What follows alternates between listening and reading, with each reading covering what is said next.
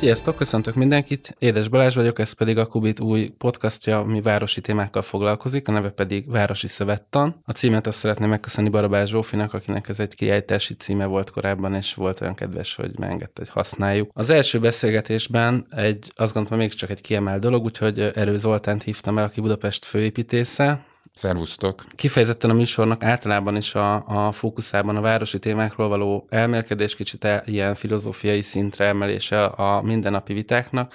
Próbálunk úgy beszélgetni majd ebben a sorozatban, hogy, hogy kitérjünk egy kicsit hosszabb időtávra, kicsit elméletibb kérdésekre, hagyjuk magunkat elveszni részletkérdésekben, és persze ezeket összekötjük a mindennapi vitákkal is, de ez kifejezetten nem aktualitásokkal foglalkozó podcast sorozat lesz. Úgyhogy a mai beszélgetésnek kicsit ilyen hasonlóan ez a célja, hogy, hogy megpróbáljunk téged is erről az oldalról jobban megmutatni, nyilván a mindennapi munkádban nagyon sok konkrét vita, nagyon konkrét kérdések vannak az előtérben, de hogy egyébként nagyon aktív vagy a médiában, nagyon sok interjút lehet olvasni, hallani veled szerencsére, úgyhogy akit érdekelnek a egy-egy konkrét témá kapcsán a véleményed, azért szerencsére hozzá lehet férni, úgyhogy ezért gondoltam, hogy hogy jó, hogyha egy kicsit szabadabban, csapongóbban tudunk beszélgetni ma. Valóban nagyon sok uh, téma van, nagyon sok kérdés van ebben a dologban, kicsit viccesen azt szeretném mondani, hogy a urbanisztika is olyan, mint mondjuk a menedzsment, vagy mint az élet, hogy így van egy csomó részkérdés, aminek mind megvan a maga kis tudománya, hogy hogyan kell ezt jól csinálni, és azt állítjuk, hogy az egészet megpróbáljuk együtt is jól csinálni, de se átlátni, se kontrollálni nem lehet, és igazából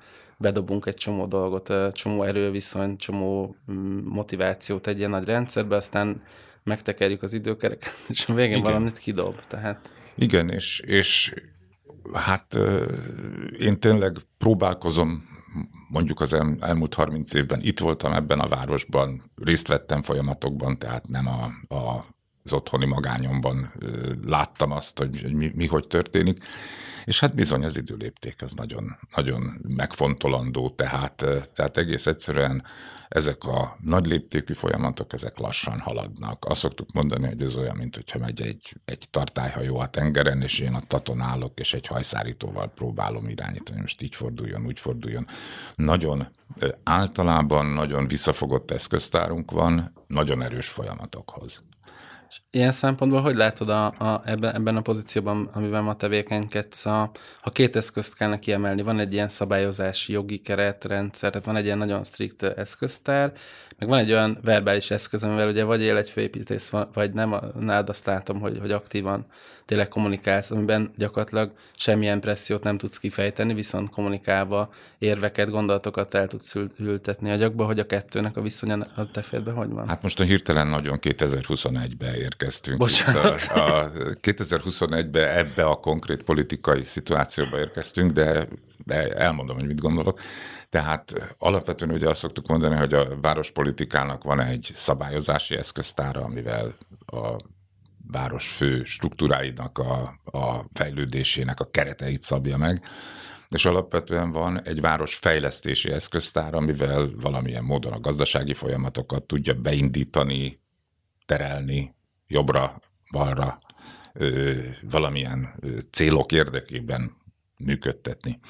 Hát most a 2021-es jelen pillanati politikai helyzetben azt kell mondani, hogy ez a gazdaság, tehát ez a városfejlesztési eszköztár, ez a főváros rendelkezésére nagyon korlátozottan áll rendelkezésre, tehát olyan, olyan hihetetlenül minimális pénzeink vannak, és olyan hihetetlen nagyságrendileg eltérő megközelítésünk van, tehát nálunk azt szoktam mondani, hogy egy 1,8 milliárdos villamos vasúti projekt, ami egy, egy, egy útkereszteződés felújítása volt tavaly, ez, ez a nagy kimagasló projektek közé tartozik, egy egy Blaha Luisa térre, amire 4 milliárd forintot azért el lehetett volna költeni, ezt vissza kellett faragni három alá, ehhez is kormányzati támogatás lesz még fölvéve.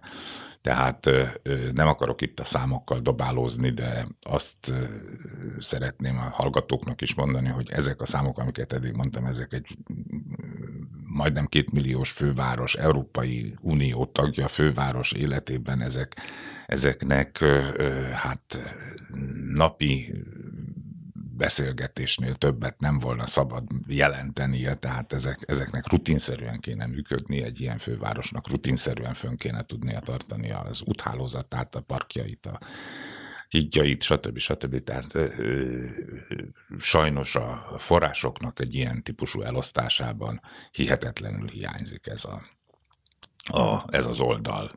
Mert mondjuk a városfejlesztési eszköztár az abból állna, hogy saját telekpolitikánk van, hogy minta városrészeket tudunk építeni, hogy a nagy infrastruktúrákat flottul mellényzsebből tudjuk megcsinálni. Tehát ennek, ennek, ennek az eszköztárnak egy, hát ezt úgy kéne tudni használni, mint ahogy zongorázni tud egy zongorista, tehát hogy nem gondolkodik rajta, hanem, hanem ez megy. És még egy dolgot kérdeztél, hogy a, a kommunikáció, én a főépítész nevében tudok kommunikálni, tehát én, én megpróbálok arra vigyázni, hogy ez diplomatikus maradjon. És nem úgy diplomatikus, hogy a végén nem mondok semmit, hanem, hanem hogy azokról a dolgokról beszélek, ami valóban az én én feladatom, és nem akarom mindenbe beleütni az orromat más ö, ö, dolgaiba. Szerintem nagyon fontos ebben a pillanatban, hogy hogy, hogy, hogy a szakmaiság, én, én hadd maradhassak a szakmaiságnál, én nekem ne kelljen politikai kartcsörgetésben részt venni, és, és politikai véleményeket nyilvánítani, egész egyszerűen azért, és ez most egy nagyon egyszerű helyzet. Nekem az irodámba naponta, hetente jönnek befektetők, fejlesztők. Most én nem kérdezhetem, hogy ő milyen beállítottságú, milyen irányultságú politikai nézeteket van, és hogy ez tetszik-e nekem, vagy nem. Ők se kérdezik tőlem, hogy én mit csinálok. Ennek egész egyszerűen szakmailag kell tudni működni. Természetesen aztán vannak éles helyzetek, mint amik itt vannak, a, akár csak ezen a héten, amik történtek, ezekről hála Istennek az újságírók tudják a, a valós képet több irányból meg beexponálva, meg bevilágítva megmutatni. És, és hogy látod az a része ennek a dolognak, hogy ha már, ha már eszközeink nincsenek, vagy forrásaink nincsenek, van, amikor azért nincs, mert az országban sincs, vagy olyan a helyzet, mint most, amikor nagyon furán működik ezeknek az allokációja. Most teljesen a politikától független is azt mondom, hogy milyen, tehát hogy egyszer milyen csatornákon ez, ez az elmúlt 30 évben azért végig volt, hogy nagyon furán, és kicsit randomizálva most, hogyha nagyon távolról nézem, tervezhetőség, vagy ilyen gondati struktúra szerint nagyon távol állt az, hogy mi, mikor mi épül attól, hogy mi, mit gondolna egy mondjuk egy szakmai konszenzus arról, hogy mikor minek kellene épülni egyébként akár a közlekedés, akár infrastruktúra, de ettől függetlenül azt gondolom, hogy, hogy ez talán felemeli a, a kommunikációnak ezt a soft részét, tehát azt, hogy egyszerűen van egy szemléletformálásra tér az, a, arra, hogy mondjuk, amit ilyen első témaként behoznék, és akkor menjünk is erre tovább, talán, talán ilyen a, az értékvédelem kérdése, tehát ugye nagyon sokat foglalkoztam műemlékvédelemnek a, a, a komolyabb részével, mint a konkrét műemlékekkel. Korábban is kíváncsi vagyok arra, hogy, hogy hogy látod ezt a kérdést. Most az én idősíkom az erre az, hogy a, a gyerekkoromban láttam, voltak ezek a kultikus műfajok, mint a elveszett műemlékekről szóló könyvek, vagy Rádai Mihálynak a műsorai a tévében sem megszállni, ez gyerekfejel is nagyon, nagyon súlyos volt látni ezeket a dolgokat, hogy mi történik, hogyan rohadt szét gyakorlatilag sokszor igénytelenségből, sokszor tudatlan barbárságból, sokszor pedig nagyon tudatosból egy épített örökség az országban, és ugye a fővárosban is, és ennek ugye van két rétege, mert vannak a konkrétan a műemlékek, tehát védett épületek, meg hát a, a többi, ami ugye egybe azért egy nagyon értékes valamit alkot, konkrétan meg sokszor abszolút, hogy milyen részletekből áll össze, ha úgy nagyon konkrétan megnézzünk mondjuk egy bérházat, ami nem tudom, reneszánsz palotát imitál, és közben meg ilyen szükséglakások vannak mögötte. Szóval hogy látod mondjuk a, egy ilyen négy, négy évtizedes távon így kinyitjuk, tehát még ettől a, a lerohadt uh, szocializmus végi állapottól a máig, hogy igazából mi történt? Mert azért egy csomó pénzbe került, ház, házak fel vannak újítva, házak le lettek bontva, meg mindenféle dolog történik. Mi a, mi a neked így a megélésed ezzel kapcsolatban? Hát a megélésem az, az, az, az nagyon, nagyon személyes, mert én az egyetem után az ötödik kerületben kezdtem el dolgozni a bérházakon. Hárman, négyen oda mentünk az évfolyamról, meg a következő évfolyamról. Egy nagyon jó kis csapat alakult ki az ingatlan kezelővállalat tervezési osztályán. Most ez ugye egészen viccesen hangzik, hogy ezt miért választotta valaki, de mi ezt örömmel csináltuk, és rengeteget tanultunk. Tehát tulajdonképpen az ötödik kerületben az ország legjobb épületállományát járhattuk be pincétől padlásig a szószoros értelmében, és pillanatok alatt épült ház, itt van a tévészékház mögött, egy, egy nagyon jó kis emeletráépítés, amit csináltunk, és, és ezeket, ezeket ö, ö, egész egyszerűen mi az zsinórban azt gondoltuk, hogy hát csak föl kell, el kell kezdeni a Kása-hegyet megenni egy kis kanállal, és akkor előbb-utóbb a végére érünk. De aztán én nekem, nekem ezt már máshol elmondtam, lehetőségem volt, hogy Belgiumban tanuljak kimondottan városi szinten.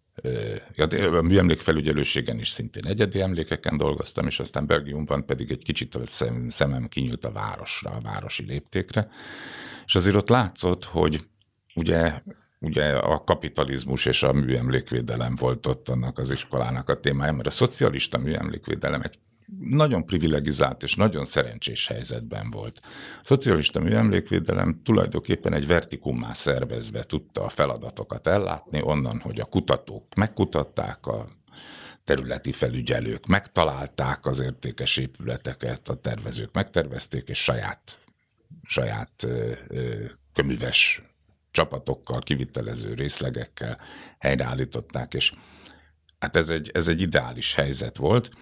A kapitalista műemlékvédelemben azt kellett megtanulni, hogy hogy veszi rá a tulajdonost valaki arra, hogy a házát ne hagyja tönkre menni, hanem hogy hozza be. Tehát azonnal egy közgazdasági környezetbe került az egész, és azonnal nagyon fontos volt, hogy, hogy minket bevontak már, tehát 90-től már nagyon intenzíven be tudtunk kapcsolni először az Európa Tanácsnak a munkájába, ahol voltak ilyen szakmai munkacsoportok, és hát például a, a finanszírozás az ott is, ott is egy, egy forró téma volt, mert az volt mindig a kérdés, hogy hogy lehet nem a kiemelt műemlékeket, nem az, hogy van, van néhány állami kastély, amit nagyon pepec módon, nagyon szépen rendben tartunk, hanem hogy a társadalmat, a, a, amit nevezünk ingatlan tulajdonosok közösségének most ebben az esetben, hogyan tudjuk rávenni arra, hogy ráfordítson az épület állományra pénzt. És teljesen világos volt akkor is, hogy, hogy ez, ez hogy, hogy vannak városi házak, amiknek szépnek kéne lenni, és hogyha ezek szépek, akkor dőlnek a turisták, és a turisták ott hagyják a pénzüket a szállodákban, meg az éttermekben, de a háztulajdonoshoz nem jut vissza, pedig azért a budapesti városképér, vagy azért a soproni kőszegi városképér mentünk oda, de nem. Tehát, hogy a refinanszírozásnak, tehát a redistribúciónak különböző rendszerei vannak e mögött, az adókedvezménytől a támogatásokig minden. És, és hogy ez, ez, ez, csinálni kell, ezt működtetni kell. És, és elkezdtünk ilyeneket működtetni. Tehát 97-ben a főváros, fővárosi önkormányzatnak lett városrehabilitációs programja, amiben belekerültek magánlakóházak, társasházi tulajdonosi közösségek tudtak forráshoz jutni, és ez meg is látszott pár év alatt a városon. Lehet, hogy nem struktúraváltó nagy beavatkozások, de rendbe lettek az erkélyek, rendbe lettek a homlokzatok, a lépcsőház, ki, ki, ki nem, a lift nem szakadt le, tehát bekerült a pénz ebbe a rendszerbe, nem sok, de mégis látványos. A másik, amit ekkor csináltunk, hogy az önkormányzatoknak pedig hát ilyen akcióterületeknek neveztük, akcióterületté nyilvánított területre koncentráltan érkezhetett a forrást. És, és akár hiszed, akár nem az, hogy a nyolcadik kerület ma egy, egy jó hely, mert a nyolcadik kerület egy sokkal jobb hely, mint volt 15 éve. Baromi jó hely, alapvetően, igen. Hát az például ennek a folyamatnak is köszönhető. Tehát a, a, ugye ott egy Rév 8 nevű vállalatot alapítottak, amelyik ezeket a folyamatokat kézbe tartotta. Ilyet is csinált, olyat is csinált, olyant is csinált. Biztosan lehet kritizálni, biztosan lehet dicsérni, de alapvetően ezeket a folyamatokat vitték. És oda akarok visszakanyarodni, amit mondtál, hogy nem exakt a város fejlesztési folyamat.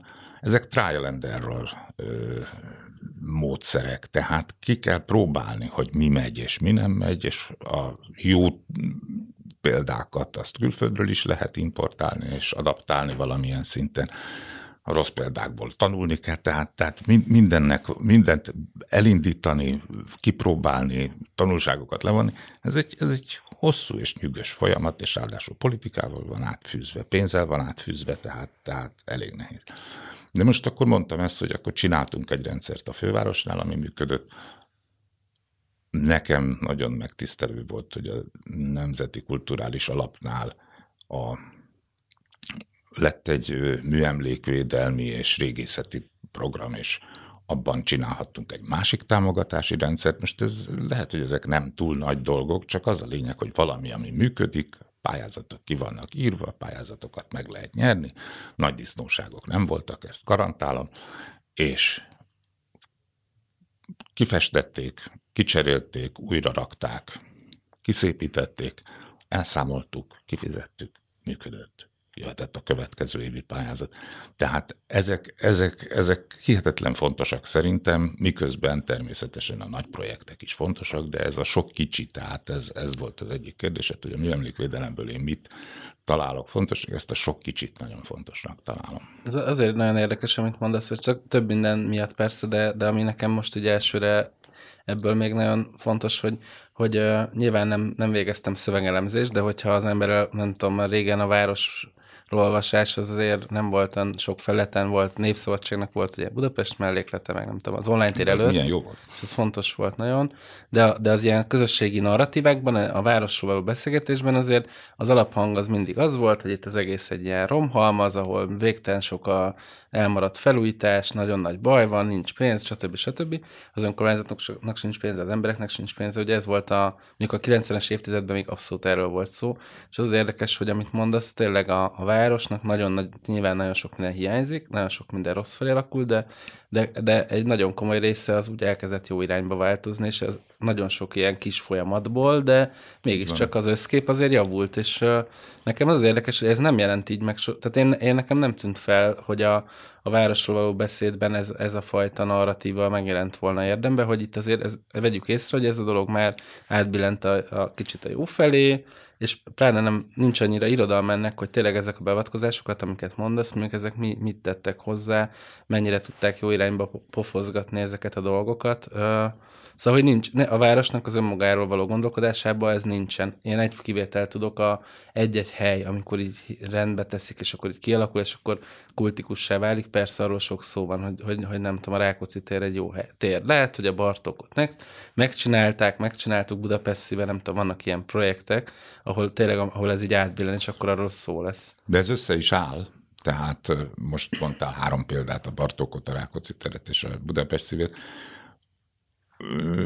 hogyha egy picit hátralépünk és megnézzük, hogy a Budapesten a gyalogos hálózatok hogyan fejlődtek, és hogy hogyan váltak egyre gazdagabbá, és most én bátran ide veszem a Bartók Béla utat is, miközben nem, nem, nem klasszikus sétáló utca, de de hogy, hogy, hogy ezek azért itt vannak, és ezeket valaki csinálta, és valaki, valaki hozott egy színvonalat. Ugye ennek, hát te biztosan pontosan tudod, de mondjuk el a barcelonai példának a történetét, hogy Barcelonában az olimpiára készülve azt mondták, mit csináljunk a belvárossal? Sok apró lakás, lerobbant épületekkel, életveszélyes elektromos hálózatokkal, alacsony jövedelmű lakókkal, Hát csináljuk azt, hogy a belvárosi részeken a közterületeket rakjuk minőségi módon helyre, hogy lehessen látni, hogy ez egy jó hely, itt érdemes lakni, és ez magával hozott egy, egy általános felértékelődést, amiből akkor lett pénz a házakra, tehát az önkormányzat belátta, hogy közpénzből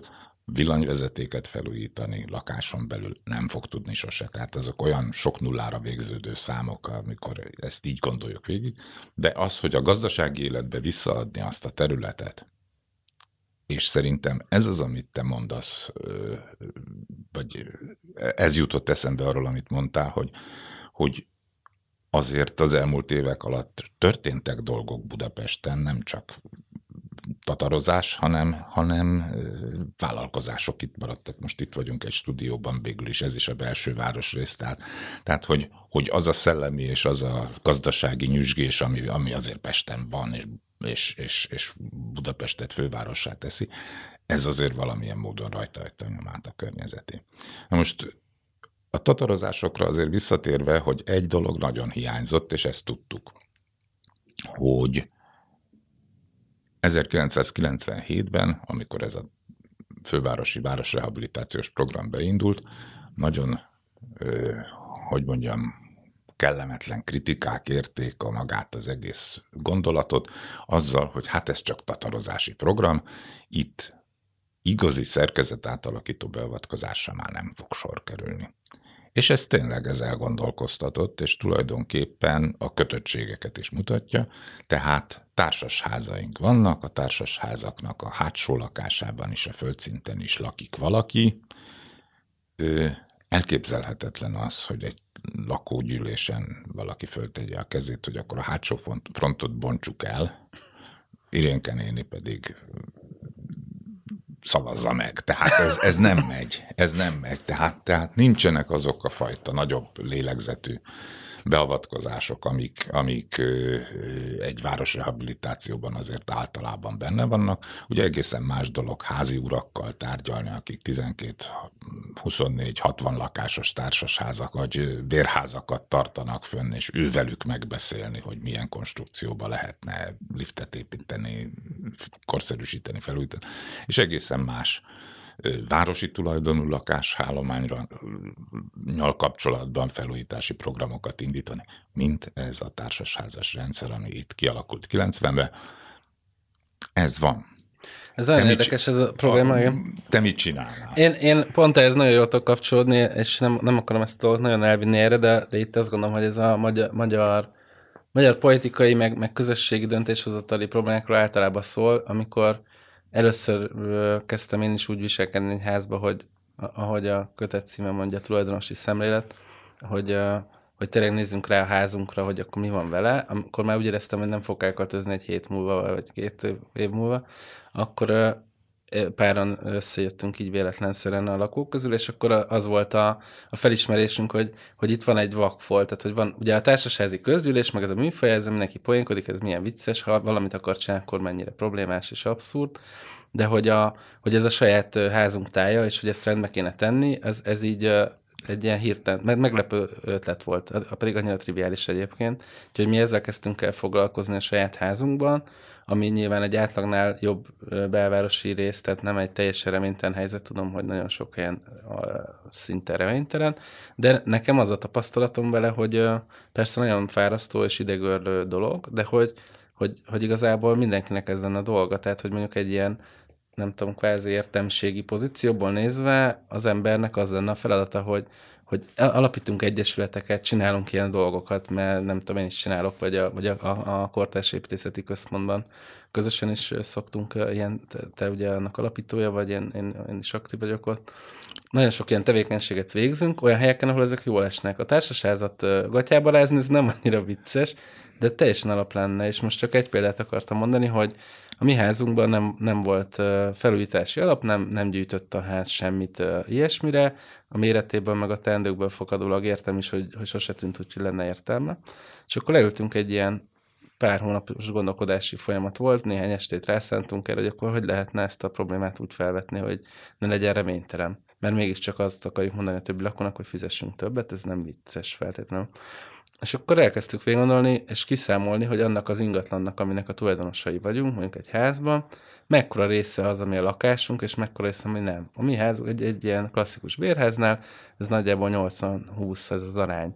És elkezdtük elmagyarázni az embereknek, hogy a, amit ők lakásként birtokolnak, amiről azt gondolják, hogy valamennyibe kerül, valamennyit ér, annak az egyötöde az nem ott van, ahol ők gondolják, hanem amikor kimennek a, a házuk, ajt, a lakásuk ajtaján és hogy a folyosó is az övék, meg a lift is, tehát hogy egyszerűen ezt nem így gondolkodik el senki. Ez csak egy első lépés, a kísérlet még folytatódik, majd tíz év múlva be tudok számolni Igen. róla, de, de azt gondolom, hogy ez például nagyon hiányzik a városból. Van, ismerek ilyen példákat, így barátokkal beszélgetve, de, de nincs egy mozgalom, ami azt mondja, hogy csináljuk már ezt meg tök jól, gyakoroljuk, mert ugye ez egy kicsit demokrácia játék, bizony, stb. Bizony.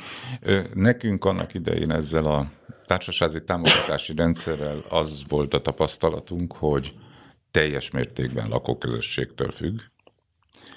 Tehát képzelj el két egyforma házat egy utcában, az egyik föl tudja venni ezt a pénzt, terüssen, jókedvűen ki tudja csinosítani. Meg tudja szervezni. Mindig, el, mindig elmondtuk, hogy nagy tanulság volt, hogy a, a tulajdonosok nagyon felkészültek abból a szempontból, hogy ha csőtörés van a házban, akkor nem a homlokzatra vettek föl pénzt, és hogyha le akart szakadni a lift, akkor nem a nem a lépcsőházi kőmunkákra költöttek, hanem mindenki, mindenki tudta a helyét. Tehát. Igen. Viszont ami a tanulság volt, az az, hogy, hogy ezt a bizonyos demokratikus folyamatot, ezt nagyban segítette annak a támogatási összegnek az elérhetőség, és ezt most tényleg a legnagyobb tisztelettel mondom, tehát az, hogy a közösség megformálta magát arra, hogy akkor döntést tudjon hozni, akkor legyen három költségvetés benyújtva, legyen lebonyolítva a dolog, legyen a közös képviselő, aki ezt aláírja, és az egész ez működjön. Igen. És, és ez azért volt, mert el lehetett érni, ha, ha jól működtél, akkor el tudtál érni egy ilyen. Úgyhogy, úgyhogy én ezért is nagyon pártolom. Amiért szomorú vagyok, az az, hogy jelen pillanatban a fővárosban semmi ilyen támogatás nincsen. Tehát se értékvédelmi támogatás, se városrehabilitációs támogatás. Mi igazából most én egy ügyfeled vagyok, te, te vagy a főváros. Nagyon sajnálom, hogy ki foglak kosarazni, amikor Persze. megkérdezed, hogy te mit Igen. kérhetnél kölcsön. Igen, ez egy nagyon, nagyon súlyos helyzet, és uh, nyilvánvalóan fenntarthatatlan a, ez az állapot. Meg olyan szempontból is, hogy, hogy ahogy mondod, nálunk is a, ennek a ökoszisztémának, vagy ennek a kis, nem tudom, sejthalmaznak, amit elkezdett burjánzani a házunkban, ennek az egyik fenntartója nyilván az, hogy azért legyenek ilyen források, legyenek, tényleg ezek nagyon sokat segítenek, meg motiválnak. A másik része meg én nem látom, hogy nem, nem gondolom, hogy ez a mondjuk a főváros dolga, a kerületek dolga ezt egyébként így szervezni, meg meg, meg azon már túl vagyunk, hogy azt gondoljuk, hogy ha csinálunk egy nagyon jó kiadványt, hogy hogyan kell egy jó lakóközösséget szervezni, akkor majd meg lesz, mert nem így működik. De hogy ennek, ennek azért lehetne valami támogatása, vagy én bennem jelentkezett egy igény pár év után, hogy már amit eddig elértünk, abban is volt sok olyan tapasztalat, amit szívesen átadnék másnak, organikusan el is jutott hozzám pár ilyen megkeresés véletlenszerűen. Meg még egy dolgot nagyon fontosnak tartok ide tenni, hogy, hogy az egészet, ami elindította, azt kihagytam a lényeget nálunk, azokat a beszélgetéseket egy olyan sorozatot indított el, ami egyébként a, a Kéknek a programja, a Budapest 100, ami az egyik legszuperebb dolog, ami itt történik a városban Ezt most már. csak megerősíteni tudom. Régóta, mert az volt az, hogy, hogy betettük a házat a programba, és volt egy alkalom, amikor sok lakó odajött, és konkrétan rácsodálkozott a saját házára, meg egymásra. Tehát volt egy nagyon pozitív apropó, mert ez általában találkozni nem vidám dolgok miatt szoktunk, hanem egy közülésen, amiben sem, tehát az, hogy mondjam, unalmas is, meg ilyen idegesítő dolgok vannak benne, és akkor, igazából akkor adott egy ilyen lendületet ez az élmény, hogy, hogy hoppá, itt ez tök jó. Tehát, hogy miért nem, miért nem örülünk, és még ilyen szempontból uh, még lehetne azért ötleteket kitalálni, mondjuk a, a Barduci Sanyi kollégád, ugye a budapesti főtájépítész kedvenc, sokat emegetett program, egy, egy kisebb pályázat, hogy ez az égérő Igen, ez pont a héten fejeződött be, és Igen. nagyon nagy öröm volt.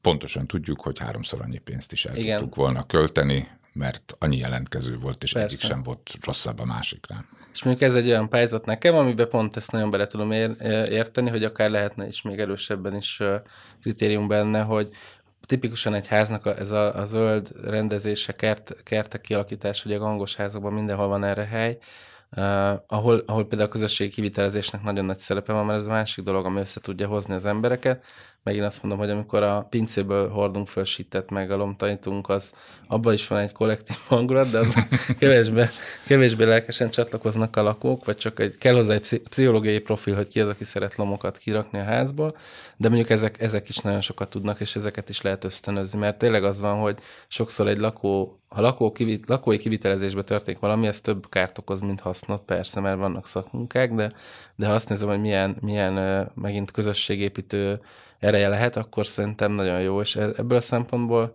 ugyanaz a logika teljesen, amit mondtál, hogy, hogy rendkívül kis lépésekkel haladunk, de minden dolog, amit egyszer helyre tettünk, az akkor a helyén van, és ez, ez nagyon Igen. jó. Uh-huh. És talán most egy olyan politikai környezet, meg ilyen közéleti közhangulat van egyébként is a Magyarországon, amiben ezek a fajta pozitív, meg a civil közösségi dolgok még inkább nagyon hiányoznak, mert teljesen abszurd igazából belegondolni, talán a 80-as években sokkal inkább volt, még volt kalákkal, volt, voltak ilyen típusú dolgok. Igen, most ezt a szót használtad, ezt a kalákát, ugye lehet, hogy sokan nem is tudják, hogy ez azt jelenti, hogy a családi házépítkezésnél összeáll a sógorság, komaság az egyik háznak a megépítéséhez, de ugyanez a csapat fölépíti a másiknak is a házát, tehát faluhelyen ez, ez könnyebben elképzelhető. Nagyon érdekes, amit mondasz, mert amikor arról gondolkodunk, hogy merre fog fejlődni a város, akkor én most azt kezdtem el forszírozni, hogy egy kicsit beszéljünk arról is, hogy szerintünk hogy fog épülni a város, tehát ki fogja építeni. Mert van is egy ilyen kis vitairat most a, Városházán alakulgat, készülget, és, és én ebbe szándékosan beletettem egy lakókörnyezetet Kínából, ahol 30-40 emeletes toronyházak adnak fantasztikus átláthatatlan falat, ami teljesen mindegy, hogy hol van. Egy másikat beletettem az Egyesült Államokból, ahol ugyanezt a falansztert megkapod családi házas léptékben. Kiterítve. Tehát az amerikai szuburbia sem sokkal barátságosabb és emberközelibb képet tud, tud mutatni, tehát ahova ennek mostan az ingatlan fejlesztése elment, nyilván olyan képet kerestem, ami eléggé taszító. És, és, és beleraktam favellának is a képét valahol Brazíliából, ami ugye egyik iránt sem szeretnénk Budapesten látni, de, de tulajdonképpen mi fog épülni? Tehát mi, mi, mi az, ami a következő évek városát meg fogja határozni, és ebben rengeteg nyitott kérdés van. Tehát a családi házat azt nagyon szeretnék az emberek Budapesten belül is, de azt meg tudjuk egy másik szempontból, hogy a családi házas szétterülő akár mondjuk Budapest közigazgatási határán belül, de akár azon kívül is, ez a, a szuburbánus terülés, ez nem föntartható. Tehát ez nem működik. Én nem azt mondom, hogy érezzék magukat rosszul az emberek, akik ott laknak, mert tényleg, hogyha szeretik azt a kertet, és szeretik azt a milliót, amit a család, a saját családi ház jelent, és, és ez hozzátartozik a saját garázs, a saját fészer, és a, az, hogy, az, hogy grillsütője van a saját kertjében, akkor ez legyen, de ezt látjuk, hogy ezt nem tudjuk kiszolgálni már ma. Mi van, ha ezek megürülnek, ezek a házak? Tehát elköltöznek a lakók, vagy de azért tartják a házat, csak már az a régió már nem tartja el, a, nincsen állás, munkahely, vagy hát kiöregszenek a lakók, ugye ez is, amíg a 60-as években épültek fiataloknak, ott, ott, ott már idősebbek az, az emberek. Igen. Ezek üresen maradnak, és egy olyan hihetetlen holt tőkét képviselnek, tehát ezt ez, ez nem lehet pénzét tenni, már nem lehet újból hasznosítani. Hogyha valami nyaralónak használható, az még a szerencse, tehát második háznak megtarthatja egy család, de, de igazából nagyon sok ház áll üresen Magyarországon. És, és ebben az a nagyon ö, ijesztő, hogy hogy még mindig nem tudjuk, én ezen el szoktam gondolkodni, hogy vajon az az urbanizációs folyamat, ami akár Olaszországban az 50-es években meg volt, 60-as években, akár Spanyolországban, tehát a faluról a városra fölköltöző embereknek az áradata, hogy ez még előttünk van, vagy nincsen előttünk erre. Vannak prognózisok persze, de nagyon mérsékeltek, tehát tehát azt tudjuk, hogy egy két 300 ezer emberrel nőni fog a budapesti agglomeráció együttes népsége. Hát ez nem olyan, ez, ez, ez nem tragikus, ezt, ezt föl fogja tudni venni a, a gazdaság, városok a gazdaságait Budapesten és a környékén az elkövetkező 10-15 évben. De de hát ugye engem megdöbbentett, amikor láttam azokat a képeket Bar- Barcelonában 1964-ben pályaudvarra egy kofferral megérkező családok, és keresik a helyüket. Tehát ezt nem tudom, hogy ez, ez, ez a sötét vízió, ez még előttünk áll-e vagy sem egyfelől. Másfelől pedig azt is tudom, hogy amikor a városról gondolkodunk, akkor azért keressük, hogy mi mozgathatja azt a megújulást, átépülést, mert ugye, ugye az eddigi beszélgetésből is azért kiderül, hogy, hogy az, hogy itt valami történjék, hogy átépüljön a Pesti belváros, hogy ehhez források kellenek. Tehát akár a tulajdonosnál legyen forrás, akár az átépülésben jelenjen meg annyi forrást, a felértékelődésben jelenjen meg forrás, hogy, hogy, hogy működjön a városoknak a, a, az átalakulása, minőségi megújulása. És akkor eljutunk egy nagyon fontos témához, ez a bizonyos gentrifikációhoz, ami azt jelenti, hogy egy terület attól, hogy megújul, attól új és magasabb jövedelmű rétegek beáramlása. Ezzel azt segíti elő, hogy lecserélődjön a népesség, és hát ennek a hátrányos részeit tudjuk. Ugyanakkor kollégákkal vitatkozgatva sokszor eljutunk oda, hogy nem lehet lemondani erről a forrásról a városok megújulásához, ami abba rejlik, hogy fizetőképesebb, fizetőképesebb népesség érkezik be egy-egy területre. Úgyhogy ez is egy ilyen rókafogta csuka, mert hát azt természetesen tudjuk, és akár budapesti példák is vannak erre, hogy, hogy hogy a legszegényebb rétegeket azokat mindig, mindig szeretné egy-egy fejlődési folyamat áttenni egy másik területre, onnan egy harmadikra, tehát ezt így nem lehet csinálni, de, de közben pedig az, hogy honnan lesz ezekre forrás, az egy nyitott kérdés. Igen, nekem az a furcsa ebben, vagy mindig az jut eszembe, hogy ami, ami ilyen szabályozással foglalkozó közgazdászként, ezzel sokszor szembesültem más, teljesen más területeken, hogy, hogy mennyire, tehát ilyen közpolitikai témában mennyire szélsőségesen ez az egy-nulla gondolkodásban vagyunk, és tényleg elképesztő, hogy, a, hogy ez a fajta ilyen paradigma követés, vagy nem tudom micsoda ennek a, a háttere, ez nagyon sok évtizedes hagyomány, tehát hogy Magyarországon valamiért ez így van, és mondjuk ez a, ez a nagyon polarizált politikai tér is ezt erősíti, mert egyszerűen automatikusan már mindenki úgy gondolkodik egy vitáról, hogy akkor van két álláspont, és akkor mindenki azonnal behúzódik az egyik sarokba, mert ez tipikusan olyan kérdésnek látnám én, amit amit nem lehet. Tehát, hogy nem az a kérdés, hogy akkor kommunizmus van, vagy kapitalizmus, a szociális kérdésekben, mert, mert ugye azt beszélünk a szociológusokkal, azt fogják mondani, hogy, a, hogy, a, hogy ez, ezeknek a, az, az alacsony vedelmű közösségeknek a kiszorítása nyilván nem elfogadható, ugyanakkor a koncentrálása meg ez a fajta ilyen gettósodásos folyamat, ami egyébként a piaci logikából automatikusan következik, ha semmilyen rossz indulatú szándék nincs akkor is, mert nagyon sok mechanizmus hat erre, ugye ennek nagyon szép ilyen társadalom elméleti okai vannak, nagyon jó modell, modelleket láttam, lehet erről, tehát ennek komoly irodalma van. Tehát az embernek a, a, adódik az, hogyha tudjuk, hogy a, a közjó az afelé lenne, hogy, hogy, hogy vegyesebb népességűek legyenek a, a lakóközösségek, és meg lehet azt mondani, hogy mondjuk nagyon nehéz szociális helyzetű lakóból, ha egy bizonyos aránynál több van, az lehet, hogy, hogy megnehezíti ezt az üzleti alapú felújítását, mondjuk egy városnérnek egy rehabilitációját, de, de ha ez okosan van kitalálva, akkor meg pont, hogy jól tud működni. Most kezdve onnan, hogy vannak olyan munkák, amit ha létrehozok egy ilyen gentrifikált negyedet, akkor nem lesz helyben munkaerő bizonyos típusú dolgokra, mert még szakmunkás már nem lesz, stb.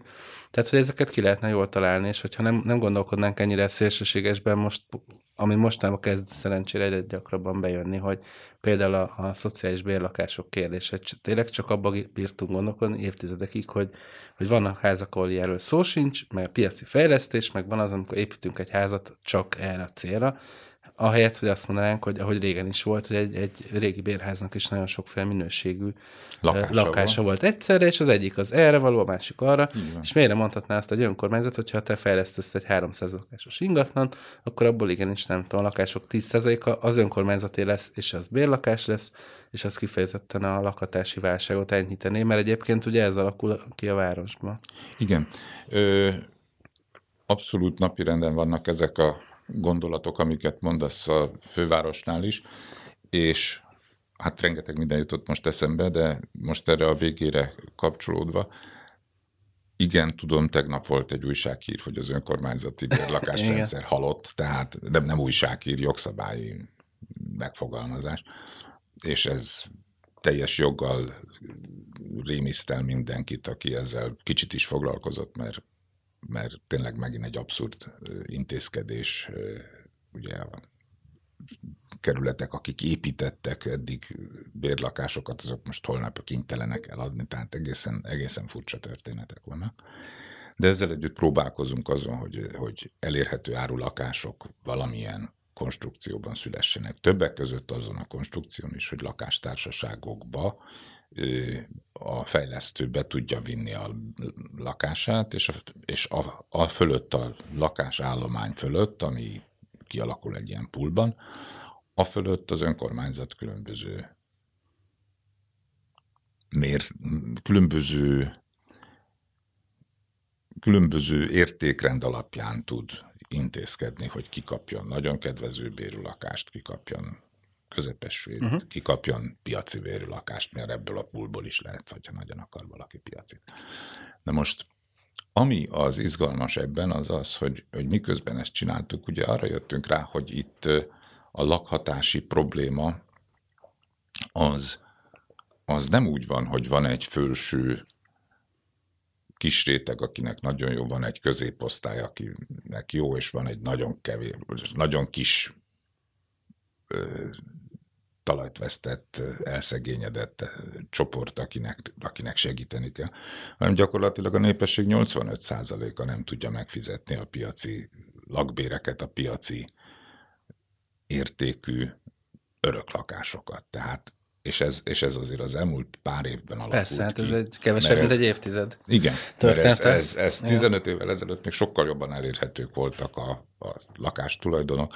Ugye gyakorlatilag az alakult ki, hogy vannak azok az emberek, akiknek van tulajdonuk, ezeknek a, a, az idősebbek től megöröklik a fiatalabbak, és akkor ezt a vagyont, Igen. ezt tudják Tehát nem, maguk nem tudja körgetni. bővíteni, meg nem tud venni újat, bővít. nagyobbat, de Igen, az ezt örökségből... Így, ezt így tudja rakni. Igen, Igen. De, de hát ugye én egy főépítész vagyok, én azért mégiscsak azt szeretném látni, hogy épülnek új házak, és még nem tudom a választ arra, hogy kinek épülnek az 1,8 milliós négyzetméter áru lakások, vagy az 1,4 milliós négyzetméter áru lakások, mert nem tudom a választ, hogy ezt hogyan lehet megvenni.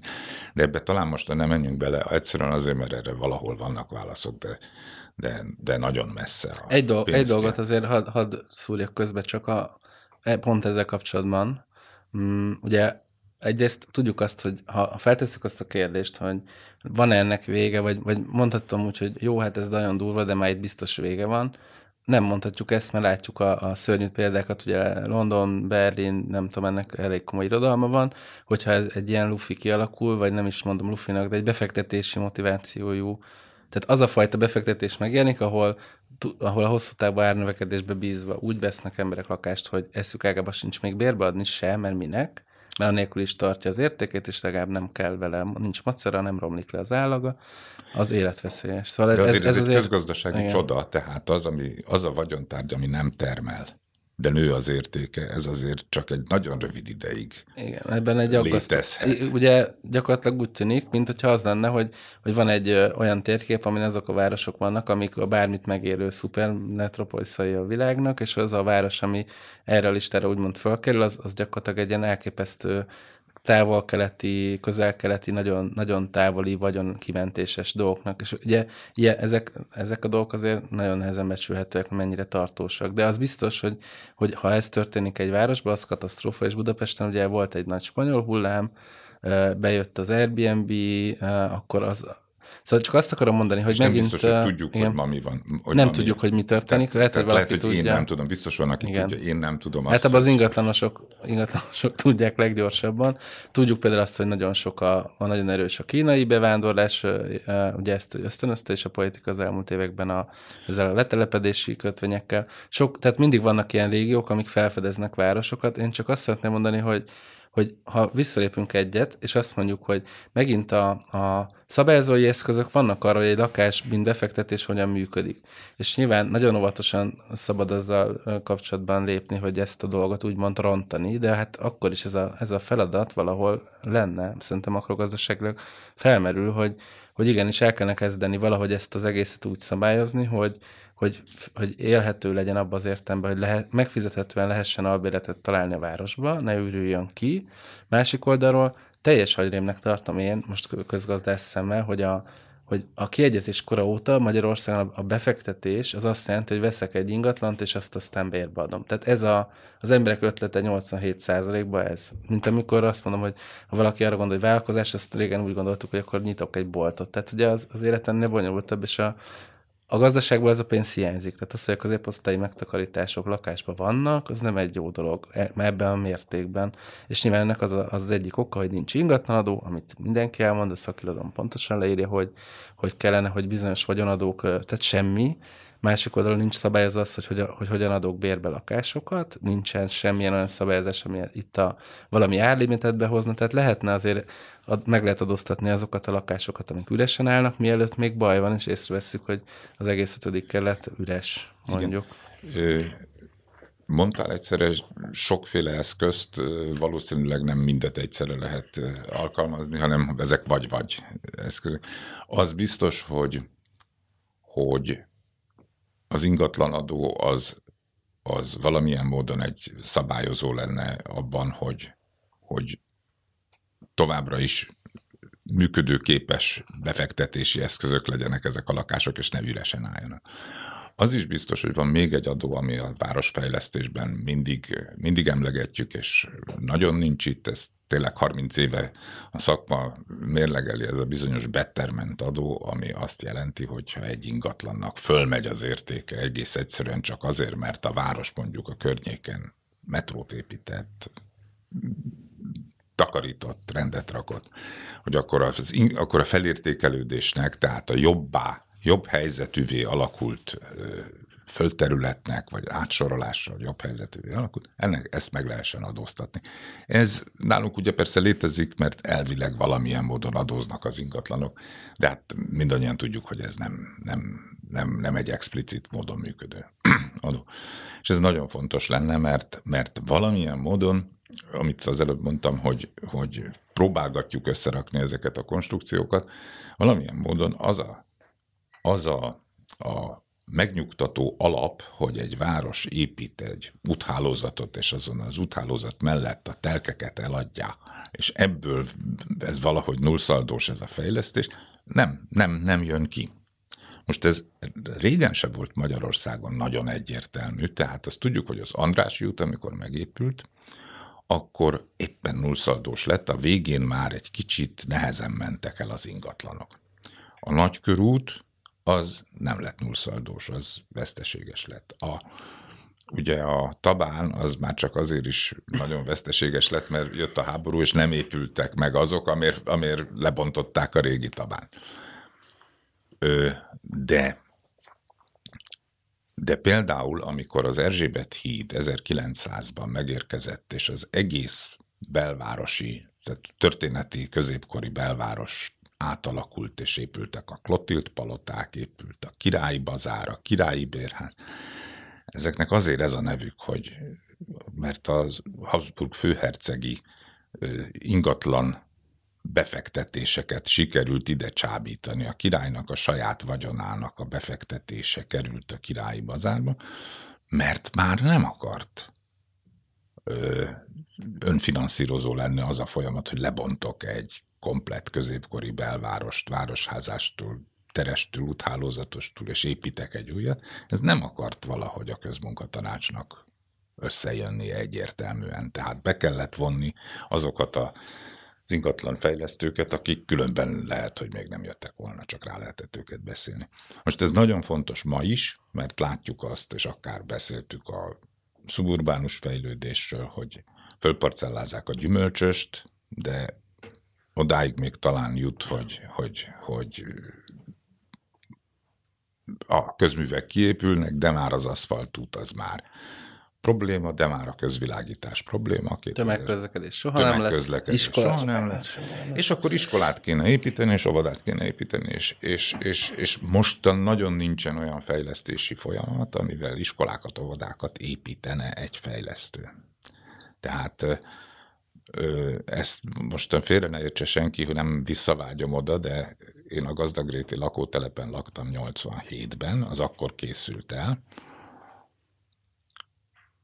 és tulajdonképpen ma nincsen olyan konstrukció Budapesten, ami egy gazdagrét című projektet meg tudna valósítani. Utakkal, villamosokkal, filmsorozattal, közösségi hát házzal, olyan, iskolával, óvodával. Olyan hát, projektek vannak, amik a felét fizetik ki a költségeknek, mert a felét építik meg, tehát a tömegközlekedés nem készül el hozzá, infrastruktúra és, félig készül el, és, és, a, és, és egy illúziót jelenti, Van átgondolni való, tehát, tehát mondjuk az első számú átgondolni való az szerintem az, hogy nem csinálunk zöld mezős beruházásokat, tehát, tehát próbáljuk használni azt az infrastruktúrát, ami létezik. Próbáljunk odaépíteni lakásokat, ahol amúgy is van közösségi közlekedés. Ugye erről szól az egész barna mezős akció, Igen. hogy a, hogy a be, város belsejében, tehát mindig szoktuk mondani rákos mező, de hát a déli irányba is, hogyha elindulunk a város belsejében, 5 perc autóútra Boráros tértől olyan fölhagyott területek vannak, amik, amiket kár parlagon hagyni, mikor ott megy el mellette minden közösségi közlekedés, tehát, tehát, tehát nem szabad terjeszkedni, nem szabad tovább kifele menni, és kindódni a közúttal, a közvilágítással, közrendőrrel, ugye ezeket mind biztosítani kell ahhoz, hogy Hát meg van egy ökológiai része is ennek, hogy, hogy gyakorlatilag minden egyes ilyen zöld, ha, ha a zöld projekt az arról szól, hogy zöld volt, és nem zöld lesz. Tehát. Igen, és tulajdonképpen, hogyha azt mondod, hogy a zöld az, az, az egyszeri természeti kincs, mert hogyha egyszer elrontottam, soha többé nem lesz zöld, akkor, akkor nagyon meg kell gondolni, hogy felhasználjuk-e. Igen. Van egy, van egy másik kérdés, amit most a, na, nagyon érdekes volt a, a Telexen zajló vita, hogy a, a műemlékekről konkrétan a vár kapcsán nagyon szétesett az egész, és nagyon, nagyon sokat lehetne róla beszélni, meg kell is róla beszélni, majd, majd valószínűleg fogunk is erről, mert ezek olyan részlet. Hát én nagyon örülök, hogy a Telex kérdés. indított egy ilyen vitát. Igen. Azért, azért nem volt ennek fóruma. Nem, és ez régóta, régóta ilyen nagyon furán zajlik. Most csak egy aspektusról szeretnélek kérdezni, ott te is írtál, és nagyon, nagyon sok szempontból irányba állítottad szerintem a beszélgetést, ez nagyon jó, mindenkinek ajánlom olvasni. Csak az, azt a témát vetném fel, ami picit így a, a, az oldal vize ennek, talán a Martin Kójós, amiket felvetett ott, ott éreztem erősebben, de ugye ez egy, egy régi probléma, hogy ne, amikor építészek beszélgetnek, építészeti viták vannak, én azt nagyon sokszor hallom, látom megfogalmazva, hogy, hogy itt van egy ilyen meg nem értettségi probléma. Általában minden kortárs művészetre is jellemző ez a probléma, de mondjuk ha arra gondolok, hogy mi van a filmmel, akkor nincs ekkora baj, mint ahogy ha arra gondolok, hogy Mondok egy példát, vári példát, hogy itt van a, itt van a teherelosztó épülete. Amit itt volt. volt. Bocsánat, volt. Amit uh, volt szerencsém még működés közben egyébként látni, és nagyon szerettem. Nem tudtam megfogalmazni magamnak nyilván amatőrként, hogy miért, de, de, de az a meggyőződésem alakult ki, hogy igazából az egy, az egy nagyon odaélő, visszafogott épület, ami mellett ott van ez a levéltár, ami meg egy rendkívül, nem tudom, nem akarom, tudom, hogy sokan szeretik, de valójában egy ilyen pöfeszkedő, túl, túl nagy, tehát sokkal inkább oda nem illő épület, és hogy a legtöbb ember a városban ennek az ellenkezőjét gondolja nyilvánvalóan, tehát arra a virágépületről gondolta azt, hogy, hogy felháborító, igen. és a másikról meg azt, hogy gyönyörű, és reméljük, hogy még, egy, még visszaépül a tornya, meg még meg nem épült részei, ugye, mint erről most már hallani. És az a kérdésem, hogy te hogy látod, nyilván, ami felmerül az építészek felelőssége, de most nem a felelősség a fontos, ez megint egy ilyen magyar dolog, hogy nem nem ez az érdekes, hogy hogyan lehetett volna, vagy hogyan lehetne elérni azt, hogy, hogy ezt a fajta különbséget, hogy egy szakma miért gondolkodik teljesen más, hogy erről, és az emberek ezt miért nem értik egyáltalán, hogy ezt a távolságot hogy lehetne áthidalni, vagy csökkenteni, hogy lehet uh, nyilván edukációs kérdés is, de általában is borzasztóan el van szakadva a kettő egymástól, miközben azt látjuk mondjuk külföldön, hogy van kortárs építészet, az emberek tudnak hozzá pozitívan viszonyulni, nem olyan nagy a baj, mint mondjuk a kortárs zenével, amit tényleg nagyon kevesen tudnak hova tenni, mert az a legsúlyosabb példák egyike, vagy a képzőművészetben is vannak ilyen nehézségek, de ez nem, azért nem egy művészet, ez egy teljesen más dolog, és és tényleg meglátják az emberek a betont, Magyarországon azonnal sikítva menekülnek. Tehát, hogy ezzel mit lehet kezdeni? Nem tudok neked egyértelmű választ adni, mert hogyha tudnám, akkor, akkor, akkor csak bedobnánk azt az eszközt a, a közbeszédbe, és akkor, és akkor az működne. Megint csak a, a különböző jelenségek, tehát mindenképpen érdemes kinézni Magyarországról. Tehát én azt szoktam mondani, hogy Portugáliában nincsen ez a katasztrófa a kortárs építészet és a történeti építészet között. Vannak nemzeti hősök, akik olyan épületeket tudnak fölmutatni, amikre rácsodálkozik az átlagember is, vagy az, akinek nem ez a foglalkozása, és akkor valahogy úgy átmegy, hogy ez a ezek az arányok, ezek a tömeghasználatok, ezek a, hogy annak is van egy eszköztára, amit valamilyen módon úgy érezni lehet, és, és olvasni lehet, és, és, és, és hogy ez egy hozzáteszem, Portugáliában nem aratott olyan vannak ott is posztmodern épületek, de, de, de nem siklott ki teljes mértékben. Tehát nem volt a modernek egy ilyen fölhagyása, és az ingának egy ilyen kilendülése. Tehát ez az, ez az egyik, ugye ez egy ilyen nagyon rágógumi válasz, hogy, hogy, hogy igen, edukáció, és nyilván valamilyen szinten a, a vizuális kultúrának a nevelése. Most te mondtad a filmeket, azért filmekben is megvan ez a kettősség, tehát tehát van az úgynevezett közönségfilm, ami blockbuster, amire beül az ember, és biztos, hogy beül a család, és ezért nem szabad csúnya szavakat se használni, mert akkor a családi közönségről lehet mondani. Tehát az egésznek van egy ilyen műfai meghatározottsága, hogy mit kell. Vannak a rendezői filmek, művészfilmek, amikben egy teljesen más megközelítés van, de az soha nem lesz blockbuster. Tehát van a filmnél is egy ilyen, egy ilyen több síkusága ennek a dolognak. De bocs, csak pont ez a lényeg szerintem, hogy ha mondjuk azt mondom, hogy a filmeknél a nem tudom, a filmeket kedvelők szűk, de nagy körére gondolok, akkor ezeknek az embereknek is egy nagyon nagy része lesz olyan, aki az építészetben abszolút nem, nem, hát nem képes igen. így olvasni. Az építészetet igen. nem így olvassa. Tehát, hogy itt szerintem a többihez képest is eltérés van, mert ez nyilvánvaló, hogy van egy tersz, van ebben egy rétegződés, és ezzel a dolggal óvatosan kell bánni, de én úgy érzem, hogy most nyilván nem tudom ezt igazolni csak személyes benyomásokkal, de hogy, hogy nagyon el van ez a dolog csúszva. Meg nem, a másik, hogy nem tudjuk, hogy tehát azt nem tudják az emberek, akik egyébként mondjuk művészettörténet iránt érdeklődnek, van, van vizuális képzettségük, nem tudják olvasni a kortárs építészetet, mondjuk az, most visszatérve a várhoz, azokat a házakat, amik ott vannak, és illeszkednek, és kommunikálnak a környezetükkel. Én erről azért tudok, mert az érdekel, és sokat olvastam, és akkor az ember rá, rájön, hogy hoppá, most már lehet, hogy, hogy van, amit megtalálnék így magamtól is, mert sok ilyen dolgot olvastam, de hogy azt gondolom, hogy ez, ez, ez így nem jön szembe ez a tudás az embernek. Igen, hát én a magam részéről el szoktam mondani, hogy a Tótárpát sétánynak az 1966-os képe az bármelyik történet, európai történeti városnak a büszkeségére vált volna. Tehát ez világszínvonal Igen. volt.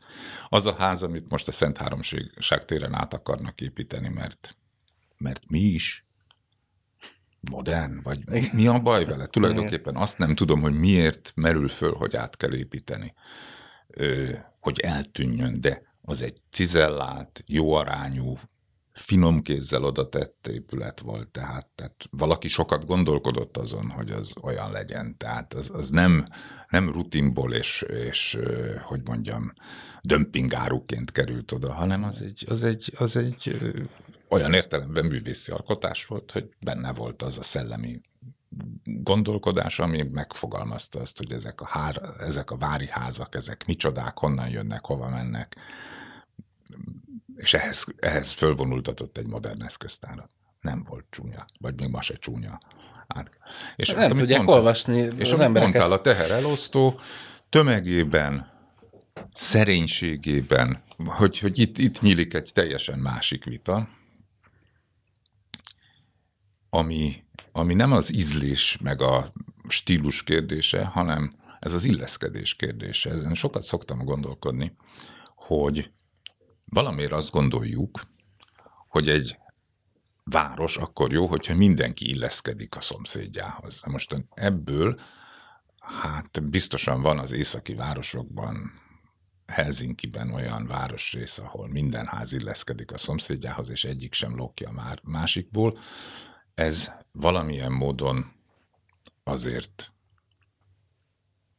unalmassá is válik. Közben pedig vannak emberek, akik direkt úgy akarnak házat építeni, hogy ne illeszkedjen a szomszédjához, mert ő meg akarja mutatni. Tehát az építésnek, az építési kedvnek egy jelentős része abból is fakadhat, hogy meg akarja mutatni. Ugye a toronyházakra szoktam ezt mondani, hogy hogy van, akinek eszébe se jut, hogy illeszkedjen, hanem éppen, hogy hogyan kellene nem illeszkedni. És ez egy, egy további szétszálazandó dolog még szerintem itt a, a gondolkodásunkban, hogy egy város meddig viseli el azokat akik magamutogatók akarnak lenni, és meddig lehet azt elérni, hogy senki ne akarja magát mutogatni. Mindenki igen, legyen igen. egy kapta fára szabba. És, és, és akkor pont visszaértünk oda, hogy, hogy valójában azok a házak kileszkednek, amikről azt gondolják, hogy fúj, amit szociálnak hívnak pedig nem az modern, és ott van mellette a levéltár, visszatérve például, egyáltalán nem ami, akar illeszkedni. Ami, hogyha odaépül azzal a mérettel, azzal Igen. a magassága, minden. És mindenki azt fogja neked mondani az utcán, megkérdezett, hogy hát ez gyönyörűen oda, oda illik, hát az illik oda. Jó, hát e, ennyi fér bele ebbe a mai, mai fordulóba. Remélem, hogy, hogy legközelebb is, ha, ha tudunk, hívunk, akkor ha, ha tudsz, jössz, és folytatjuk, Egészen mert nagyon sok biztos. téma van. De hát még sok, sok megszólalót kívánok. Neki. Igen, igen, majd, majd törekszünk rá, hogy minél színesebb legyen a kép, és ez volt a, a Városi Szövet annak az első adása, Erő Zoltán volt a vendégünk, én Édes Balázs vagyok, és a Kubit podcastját hallottátok, iratkozzatok fel a csatornára, a többi, többi podcastot is ajánlom figyelmetekbe, jövünk legközelebb is. Sziasztok!